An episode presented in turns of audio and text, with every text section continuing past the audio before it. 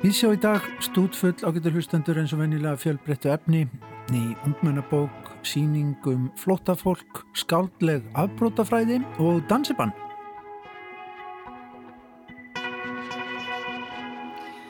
Er hægt að gera þóku að heimili? Heldur þú að bylgjur farandsfólks hætti í daginn? Hver er munurinn á lífi og tilvist? Hefur þú eitthvað tíman hugsað ég verð aldrei flótamæður? Þetta eru meðal þeirra spurninga sem að veldur upp á síningunni Skráp sem nú stendur yfir í listasafni Reykjanesbæjar. Síningin fjallar um eitt mest aðkallandi mál samtímans, fólksflutninga og flótamannaströym. Ólöf Gerður Sigfúrsdóttir kynnti sér hvernig listamennir tveir, Ráðhildur Ingadóttir og Ígor Antits nálgast þetta aðkallandi málefni í sinni list. Eina bókunum í jólabókaflóðunum þetta árið er ungmennabókin Akam, ég og Annika. Þessi fyrsta bók höfundar Þóruna Rakelar Gilvardóttur hefur vakið mikla aðtikli og verið tilnæmt bæði til Íslensku bókmæntavelununa í flokki batna og mennabóka og fjöruvelununa í saman flokki. Þetta er fyrsta bók höfundar en Þórun hefur um árabil starfað sem gagfræðaskólakennari og þjálfari í frjálsum íþróttum. Við heyrum á því í þættinum hvernig þessi saga braust fram eins og hraun kvika inn í líf Þórunar og líka af áökjumennar af stöðu bókasafna sem hún segir vera först í fátæktar skömm. Og Greta Sigriður Einarstóttir fjallar um skáldlega afbrótafræði eftir Einar Má Guðmundsson. En við ætlum að byrja í dag á löggu í fréttum. Við tökum okkur snúning, setjum tvistin út, jafnvel þó það sé harð bannað.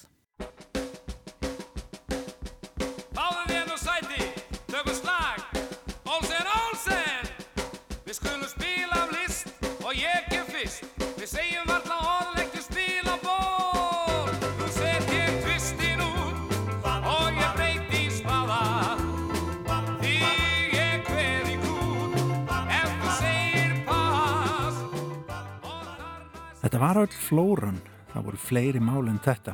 Við vorum með til dæmis dígaverði sem voru ekki með réttindi. Við vorum með stað þar sem að reglurnar segja til um núna að ef þú ferðin á bar þá átt að setja við borð og þá koma með áfengi til þín. Það er þjótt sem á að sjá um það. Þarna voru allir standandi, mennur og barnum sjálfur. Fólk var að dansa, það þurfti að taka á því. Svo var staður sem var með útrunnið starfsleifi Starfsmæður þar eða einhver saðist vera með enga samkvæmi. Sökum alfunar var trublað okkur við störf, vildi ekki vísa fólki út. Þá þurfti að handtakan og fara með hann út á stöð og rýma svo staðin sjálfur. Svo fórum við með eftirlit með þessum tónleikum bæði í höllinni og háskóla bíói í gær.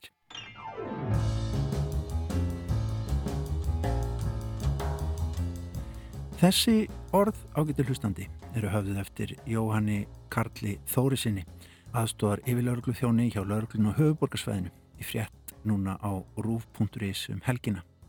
Við orð lauruglumannsins sem að koma fram í netútgáfi fréttarinnar er svo sem eitt og annað að aðtöfa sem við látum liggja millir hluta en hvað um það?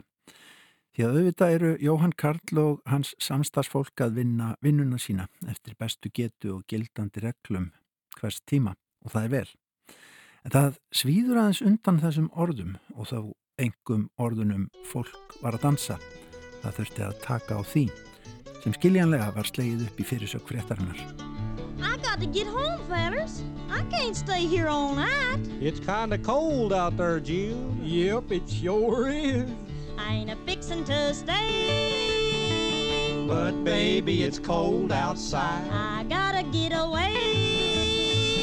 But baby, it's cold outside. This evening has been, Been hoping that you'd fall in. very nice. I'll hold your hands, they're just like feet. will start to Beautiful, worry. watch your Time you hurry. get the shotgun If he does, we'll have to leave Really, town. I'd better Have a drink, watch your Maybe hurry. just a half a jug Put more. some Eddie Arnold records on while I pour. The neighbors might think.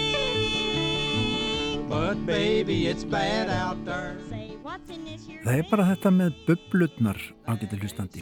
Já, eða kúlutnar, mengin, sniðmengin um jólinn í þessu skrattans ástandi sem nú er í gangi.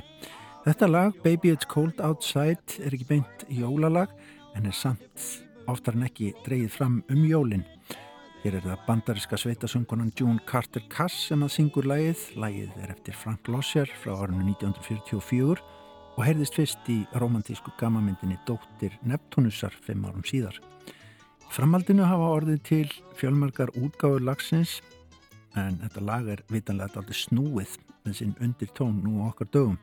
Hann er að reyna að samfara hana, já, yfirleitt er þetta sett upp á þannan kynniðaða máta, samfara hana um að vera aðeins lengur ekki fara frá sér, verðu hjá mér hér er lít og hér er gott og hér er gaman ekki satt og hún er ekki alveg viss, hún vil komast heim hún orðin of sein á Instagram síðu breska myndlistargalerísins Satsi rakst ég á í morgun neónskildi sem ágætlega sumerar upp Vesturlönd nú fyrir þessi jól þar er skildagerðin Spellbright á ferðinni en hún útbyrvist fyrir mann ljósa skildi sem ekki eru neón heldur LED ljós. En á skiltinu sem umræðir stendur Baby it's COVID outside. Ekki bara kallt heldur geysar COVID úti líka. Því er örgast í staðurinn baby að vera bara inn í á mér ekki satt.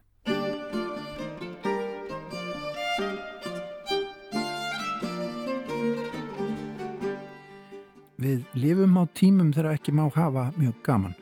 Það má ekki selja áfengi á jólatónleikum í hliði En allt í lagi víst að gestir taki með sér heilu rúturnarinn í sál af öli og sulli þar bara fram eftir kvöldi. En bara vest að það er ekkit hljem og því verður maður að brölda af stað á miðjum konserti til að pissa fram hjá gestunum í sætaröðinni. Svona er þetta skils mér. Og það er bara alveg bannað að dansa. Við erum aftur í laurglumannin. Fólk var að dansa, það þurft að taka á því.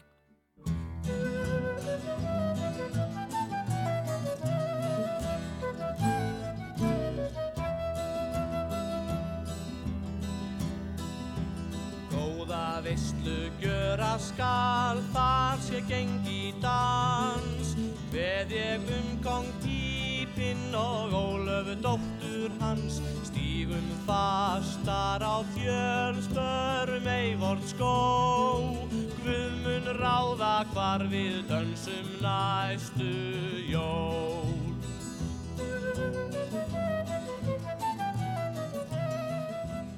Góða veistlu gjöra skal, þá geng ég í dans kveð ég um Kong Pípinn og Ólufi dóttur hans. Stígum fastar á fjöl, spörum yfir vort skó, Guðmun ráða hvar við dansum næstu jól. Já, Guðmun ráða því en líklega hefur Guð bara ekki hugmynd í þessu ástandi. Hvernig var hann að vita allt, svona í alvöru. En einn daginn þá munum við dansa á ný. Þá verða engir aðstóðar yfirlörglu þjónar til að stoppa partíð. Já, Guðmun ráða hvar við dansum næstu jól.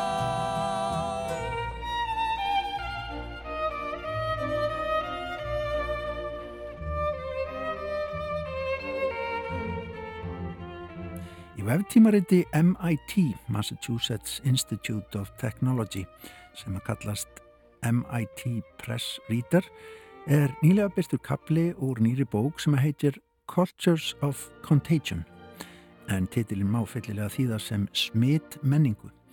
Þetta er nýtt greinasafn en í brotinu sem þarna byrt er einmitt talað um lífsins listisendir sem að blómstruði í kjölfar terrortímabilsins svo kallað sem að fyldi á eftir frönsku byltingunni á sínum tíma.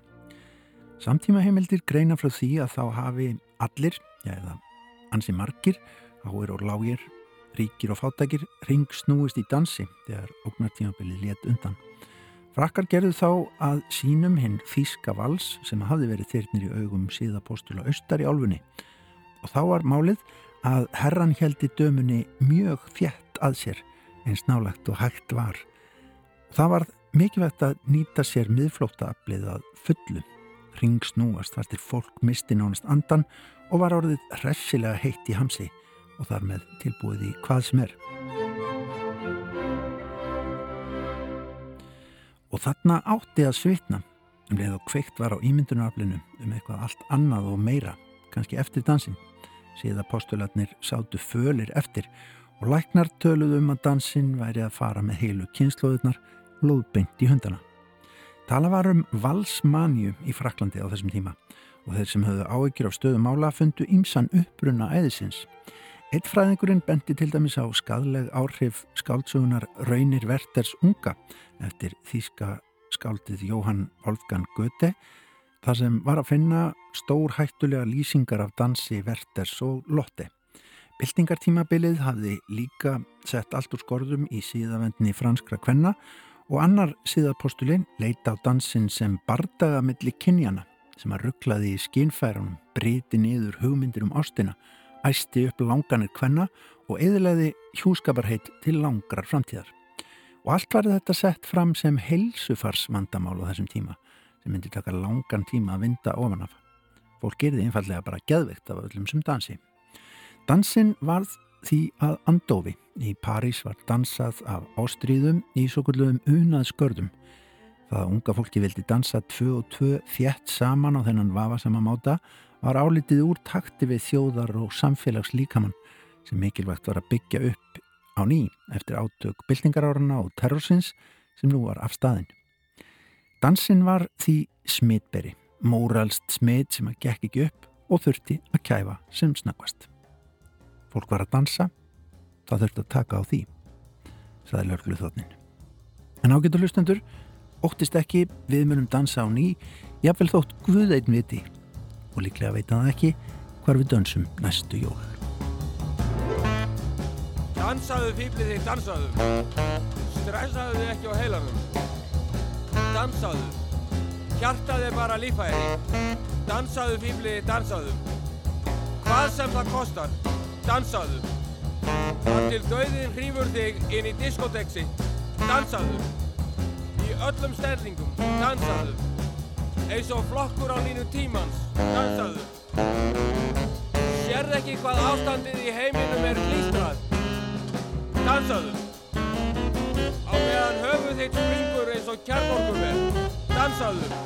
Þar til þú átt ekki aftur kvæmt í þennan stað sem þú viltist inn á er súrefnistjaldið að dreyja frá vitum þínum.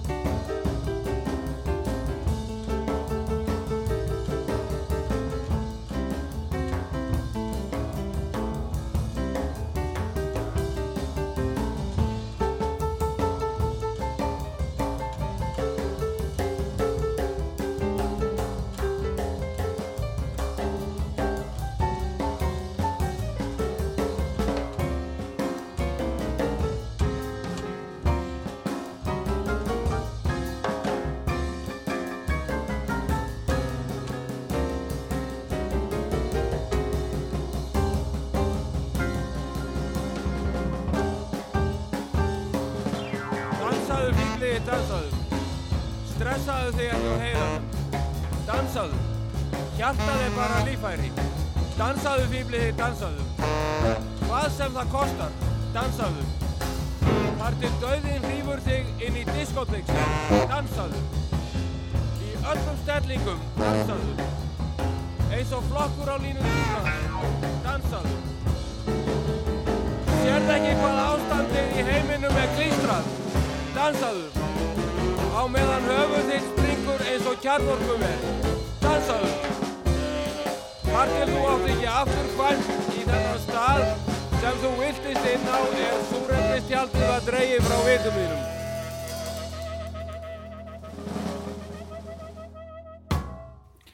Einamár Guðmundsson og félagar dansaðu fýblið eitt, dansaðu hjartaður bara vöðvi. Stórkostlegt lag þar sem að einar fyrir á kostum með frábæri hljómsveit af eh, gamalli plötu. Og það vil svo skemmtilega til að nú fáum við bókadóm um uh, skáldlega aðbrótafræði, nýja bók Einars Más, Guðmundssonar. Já, þetta svín passar allt hér Já. í Víðsjá. Gjörðu svo vel, Greta Sigriður Einarstóttir. Vinsældir sögulegra skáldsagna bera þess vitni að maðurinn er alltaf að reyna að skilja fólkið í kringum sig. Að setja söguna í samhengi við hugmyndir nútímans um samfélagslegt réttlæti getur hjálpað okkur að skilja betur þá sem á undan okkur fóru og gefið betri insýn í mannsálina. En það getur líka verið varhugavert að snúa okkar eigin skilgreiningum og hugmyndum um réttlæti upp á fólk sem lifði við allt aðrar aðstæður. Skáldleg afbrótafræði er nýjasta bók Einarsmás Guðmundssonar. Í henni snýr hann aftur á kunnulegar slóðir en sögursviðið er Tangavík þar sem fyrri bók Einars, Íslenskir kongar, átti sér stað. Þegar svo bók kom út let Einar hafa eftir sér að hann gæti vel hugsa sér að snúa aftur til Tangavíkur.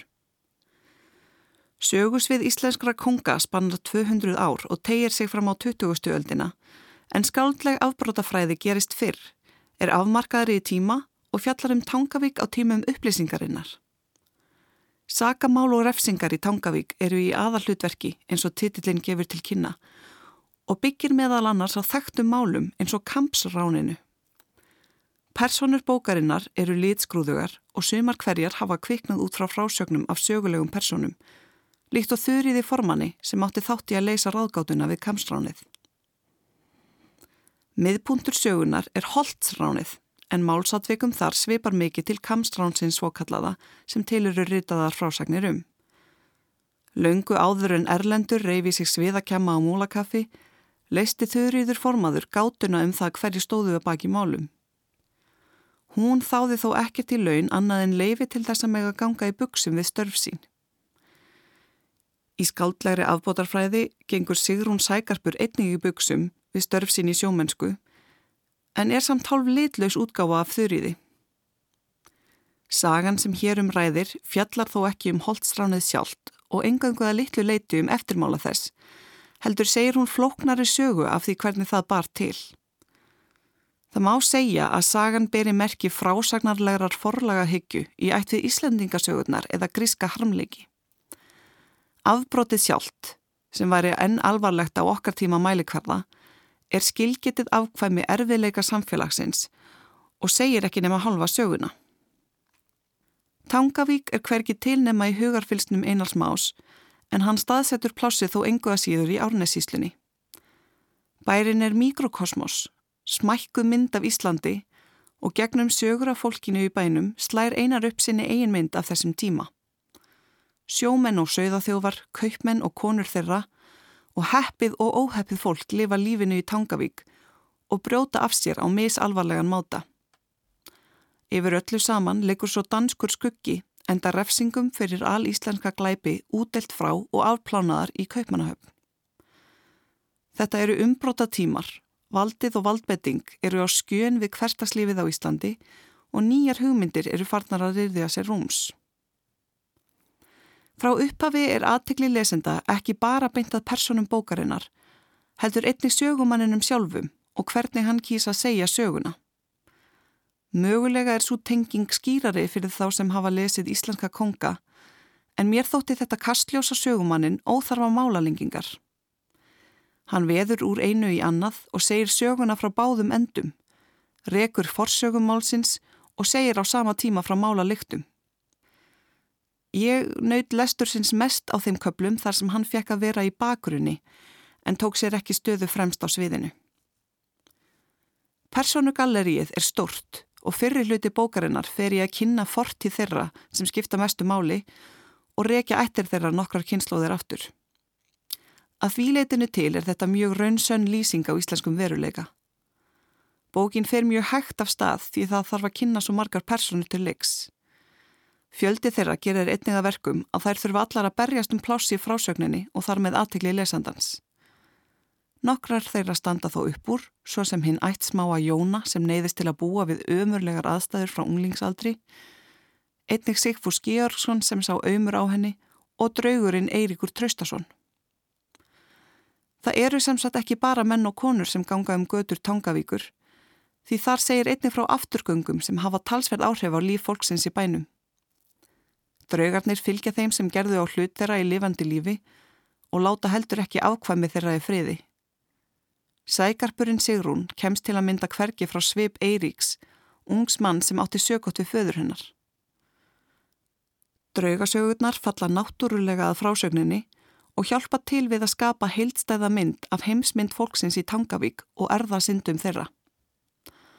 Bókin fer hægt af stað og fjöldi ættrakninga og persóna í upphafi gera það verkum að ég átti erfitt með að halda aðtegli við lesturinn. Þegar líða tók á söguna og tengst milli persóna, forsaga þeirra og eldri samskipti fóru að verða skýrari, nöyt ég lestur sinns betur og yfirlitsmyndin af samfélaginu á þessum tíma vakti áhuga minn. Brestirnir hvað varða sögumannin voru þó enn til staðar og stefnuleysið varð frústrarandi á köplum. Án þess að láta of mikið uppi þá endar bókin á lovorði sögumannsins um framhald í annari bók og mér fannst ég skilin eftir í lausu lofti. Í íslenskum sögubókum er upplýsingaöldin yfirleitt óspennandi lesning. Í stað landnámsmanna og hetja eru síslumenn og skriffinar Löggjöfin er harkaleg og emdin yfirgengileg. Bókin Skáldleg afbrótafræði leitast við að mann gera fólkið á þessum tíma og gefa okkur insýni þeirra daglega líf.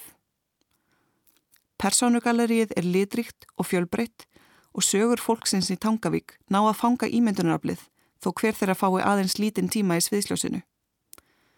Frásagnarstýlinn flækist og fyrir og skortur að þungamiðju gerir lesturinn langdregin á köplum. Dregin er upp mynd af samfélagi ójafnaðar þar sem stránga reglur og hörkuleg viðurlög bæta á óhamingi fólks sem þegar býr við skort eftir alvarleg áföll.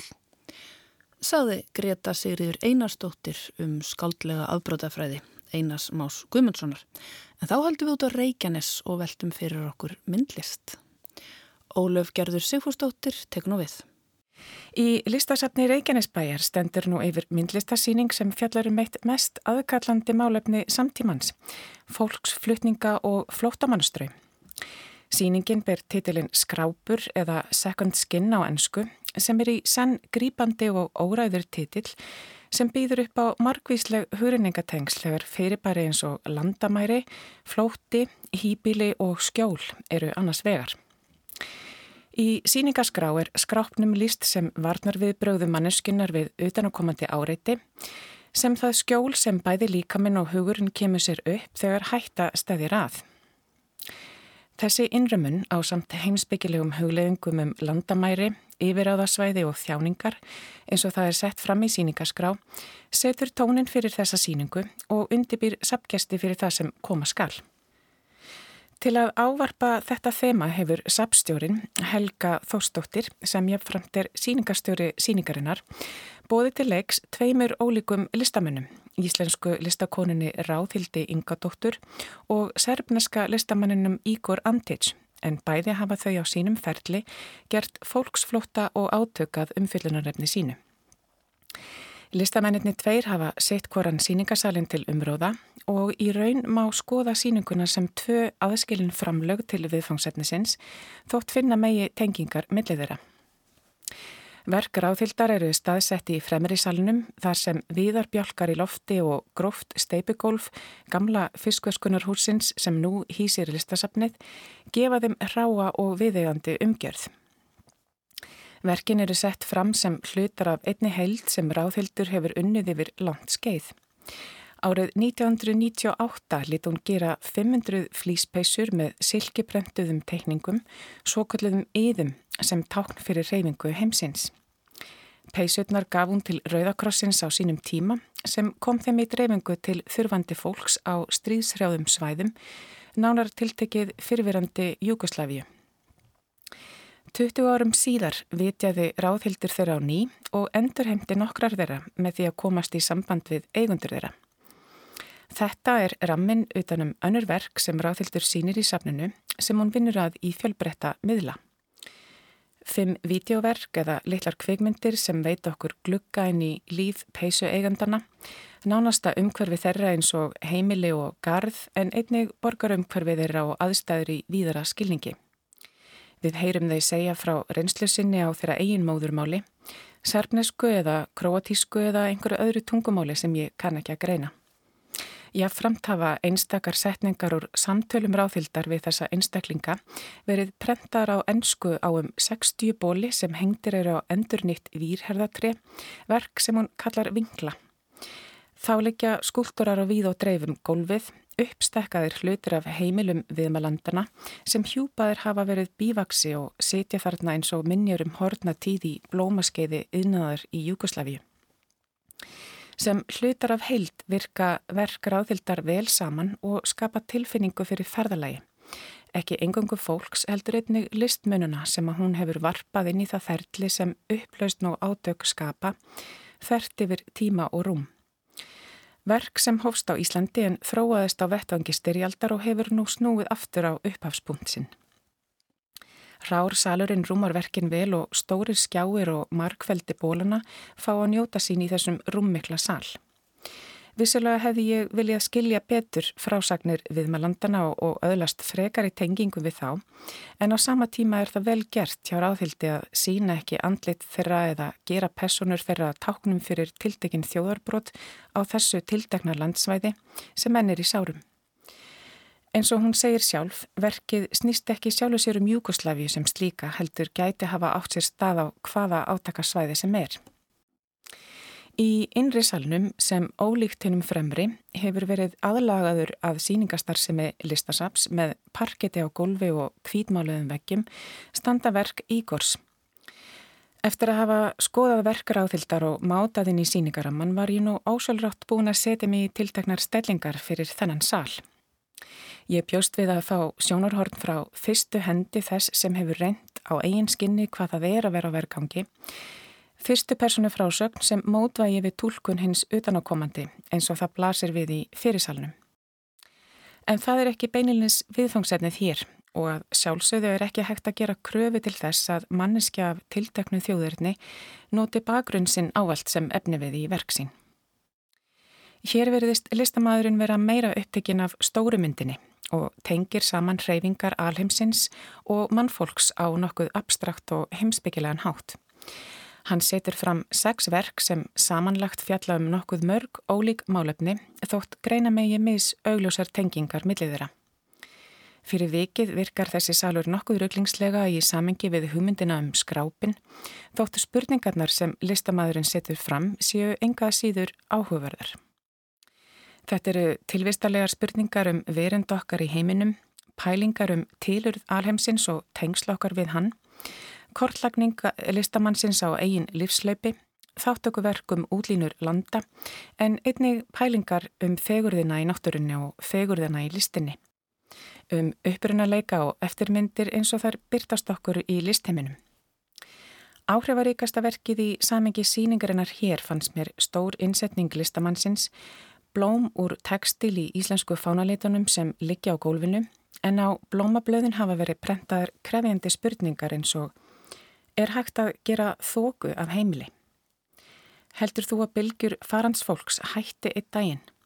Hver er munurinn á lífi og tilvist? Eða hefur þú einhvern tíman hugsað, ég verð aldrei flóttamaður? Þá er einnig áhugaverð önnur stór innsetning sem þekur allan langvegg salarins þar sem listamæðurinn varpar upp tvísturinn og dreifingu eins og við könnumst við það úr kenningunum mikla kveld en gæti allt eins vísaði eftirleg stríðsátaka og sundrungar.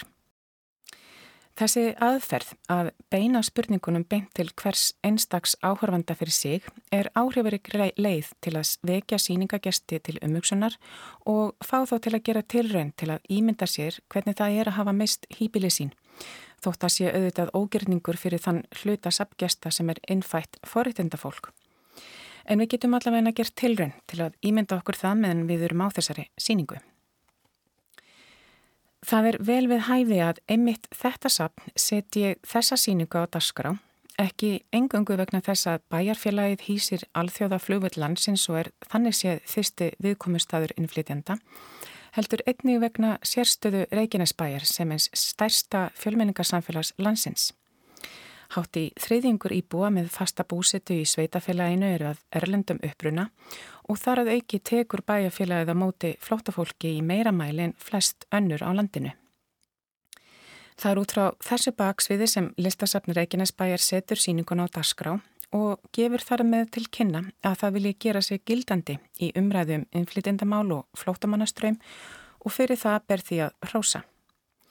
En viðfangsefnið er gríðarstórt og flókið og til að hreyfa við umræðunni þarf samhend átak fleiri stopnana en eins lítils listasaps svo fletta megi ofan af þeim skráp sem myndast hefur í kringum innflytindamál hér á landi. Hér býður sapnið sig fram sem vettvang fyrir slíka umræðu sem óskandi er að náu til fleiri hópa sapgesta en engangu þeirra sem ég sjálf tileri. á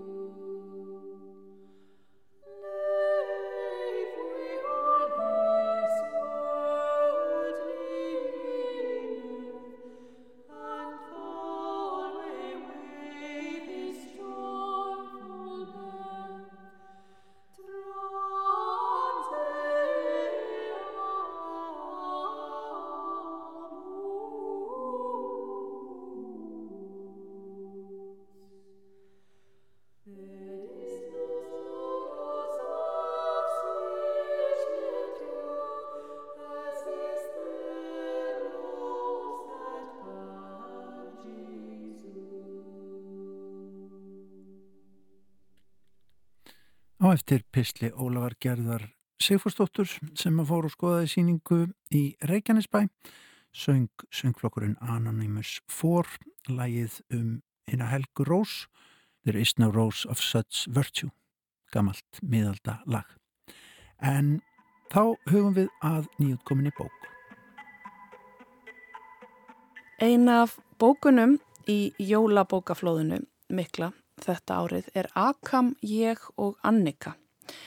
En svo bók hefur vakið mikla aðtegli og verið tilnæmt bæði til íslensku bókmæntaverlunana í flokki barna og ungmennabóka og fjörverluna í sama flokki. Þetta er fyrsta bók höfundar sem hefur um árabil starfað sem gagfræðaskólakennari og þjálfar í frjálsum íþróttum.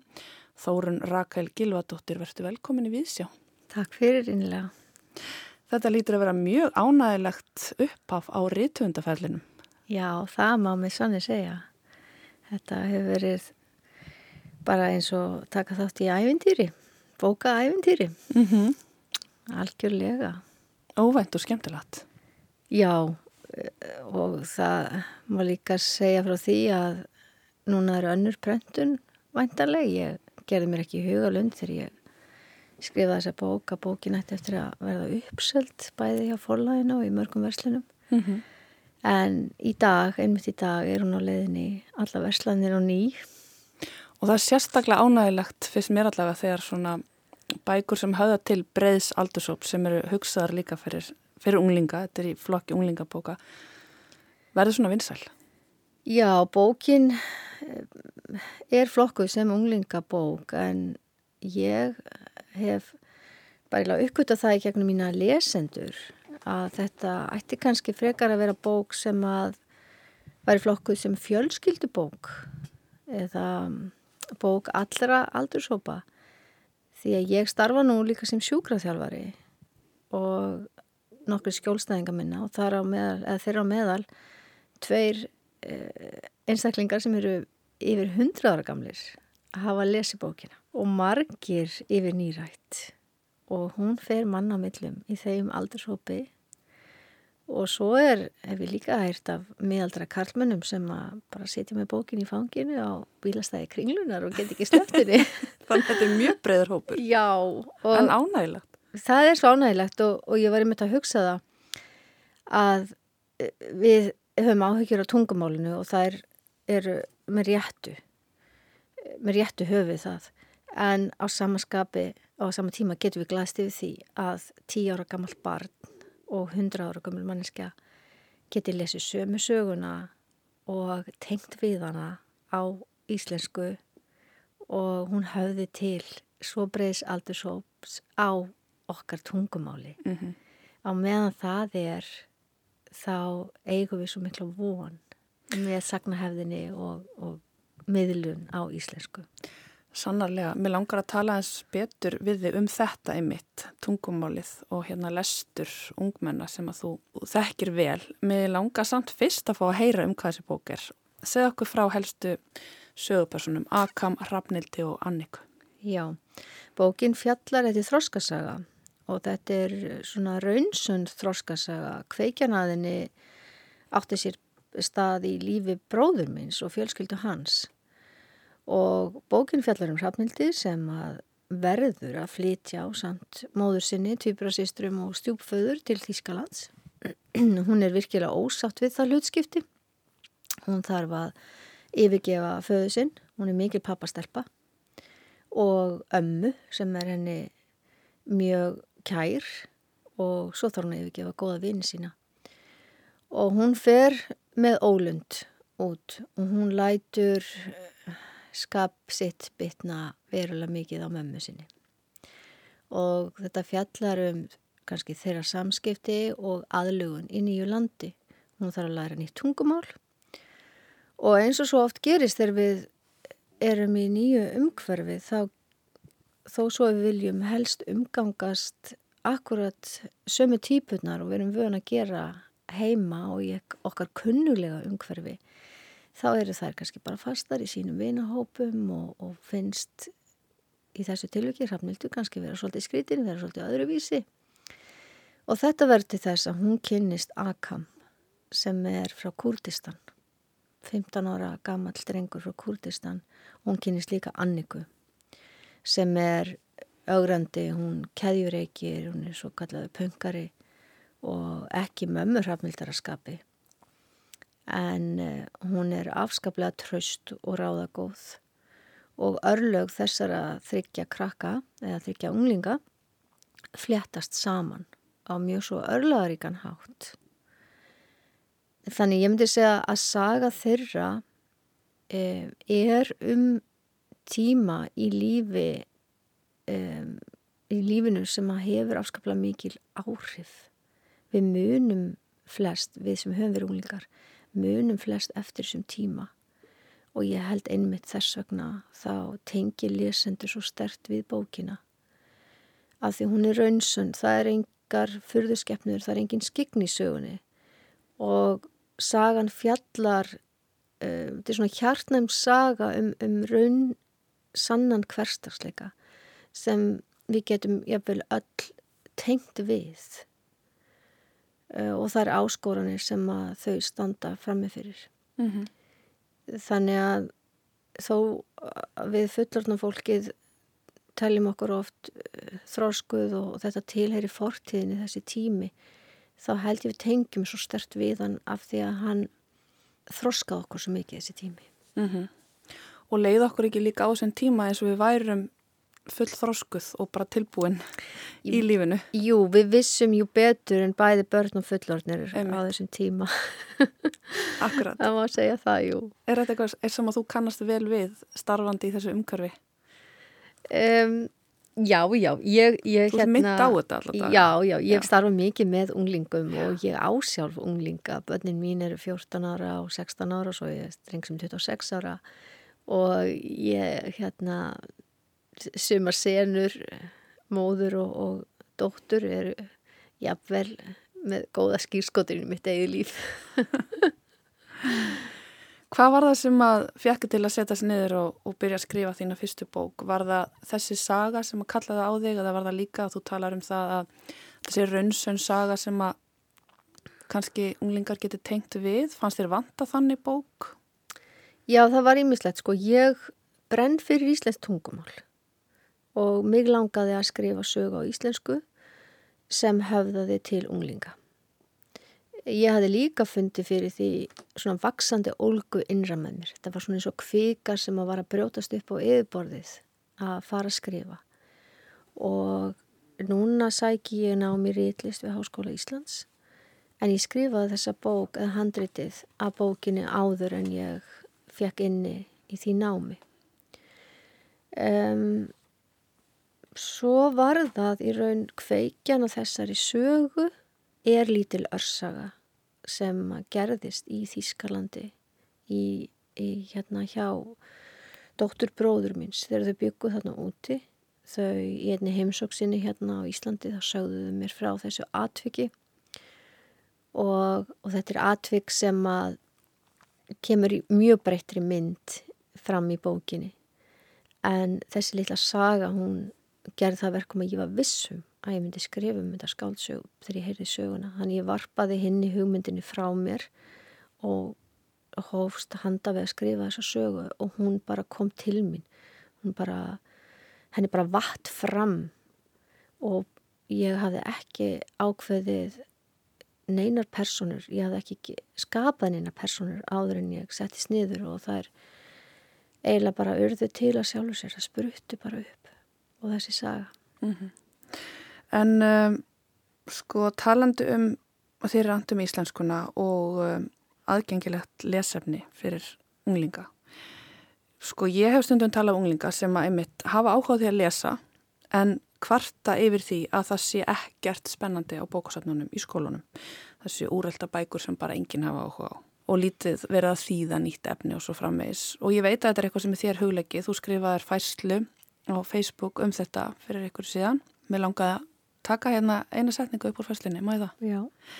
Og þú talaður um uh, fátaktarskam og að um, þegar þú hafi verið með tilbúið handreiti þá eru þú gengið á milli og verið að kynna þetta og allir hafi haft áhuga á því að fá þetta inn í skólana.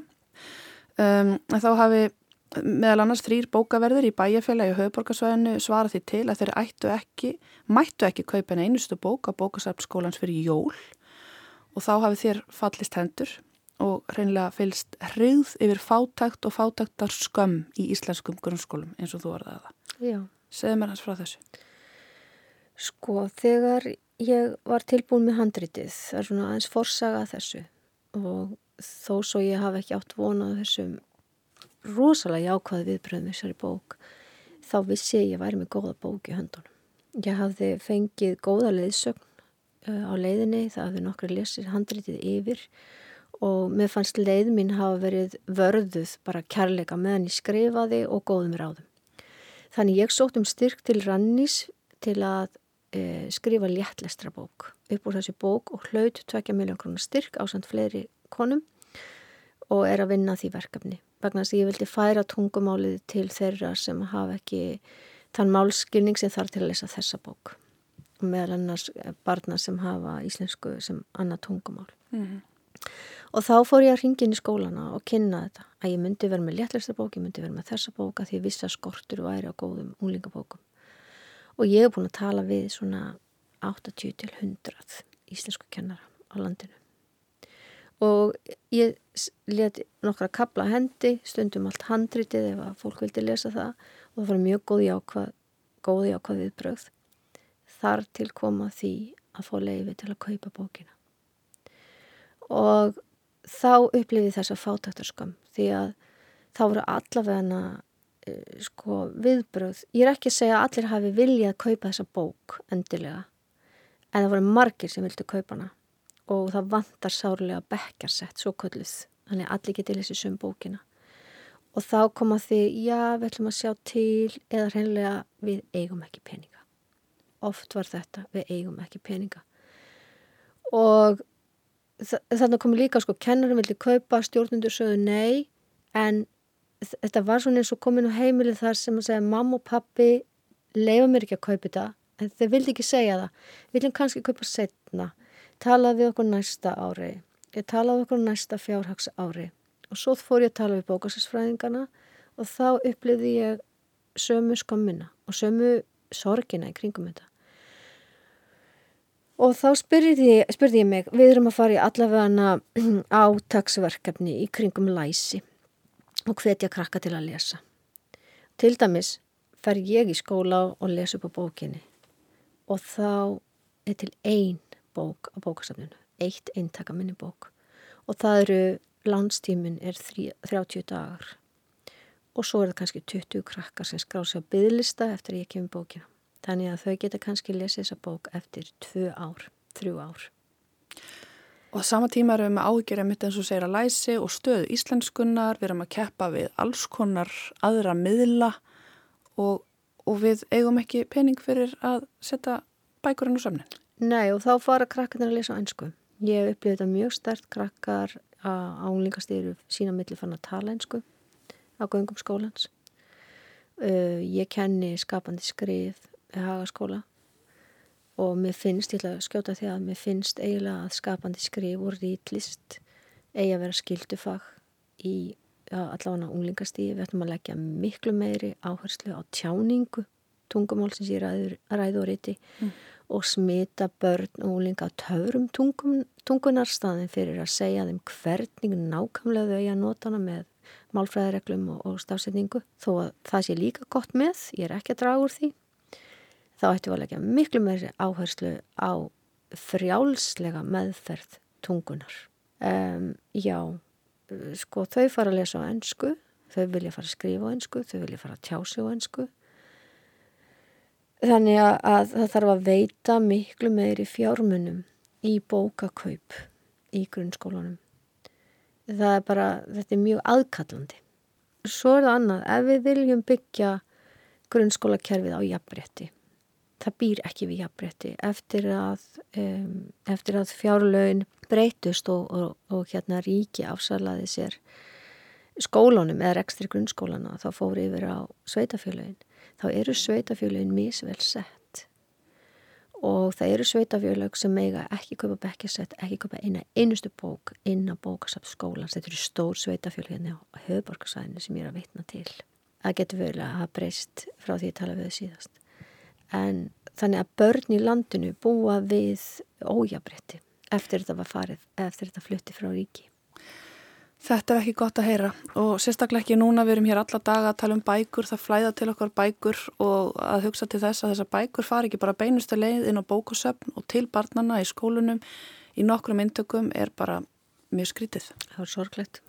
Við erum sprungnar tíma, við langaðum að þakka það bara fyrir að koma og óskæða allir hafmyggjum með þessa bók og uh, kannski spyrja öðstuðt á lókum hvernig gengur í reillistinni, hvernig þú ákveður hérna ráðsett konan að fara í háskólan og læra rillist eftir að þessi bók er komin fram undan kvikunni, hvernig gengur þetta líf?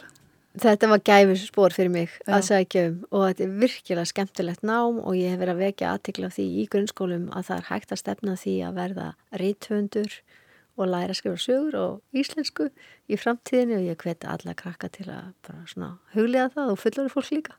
Akkurat, það er að byrja á allum aldri. Já, svo sannarlega. Takk ennilega Þórun Rakel Gilvardóttir og til hamngi með Akam, ég og Annika. Takk einnilega.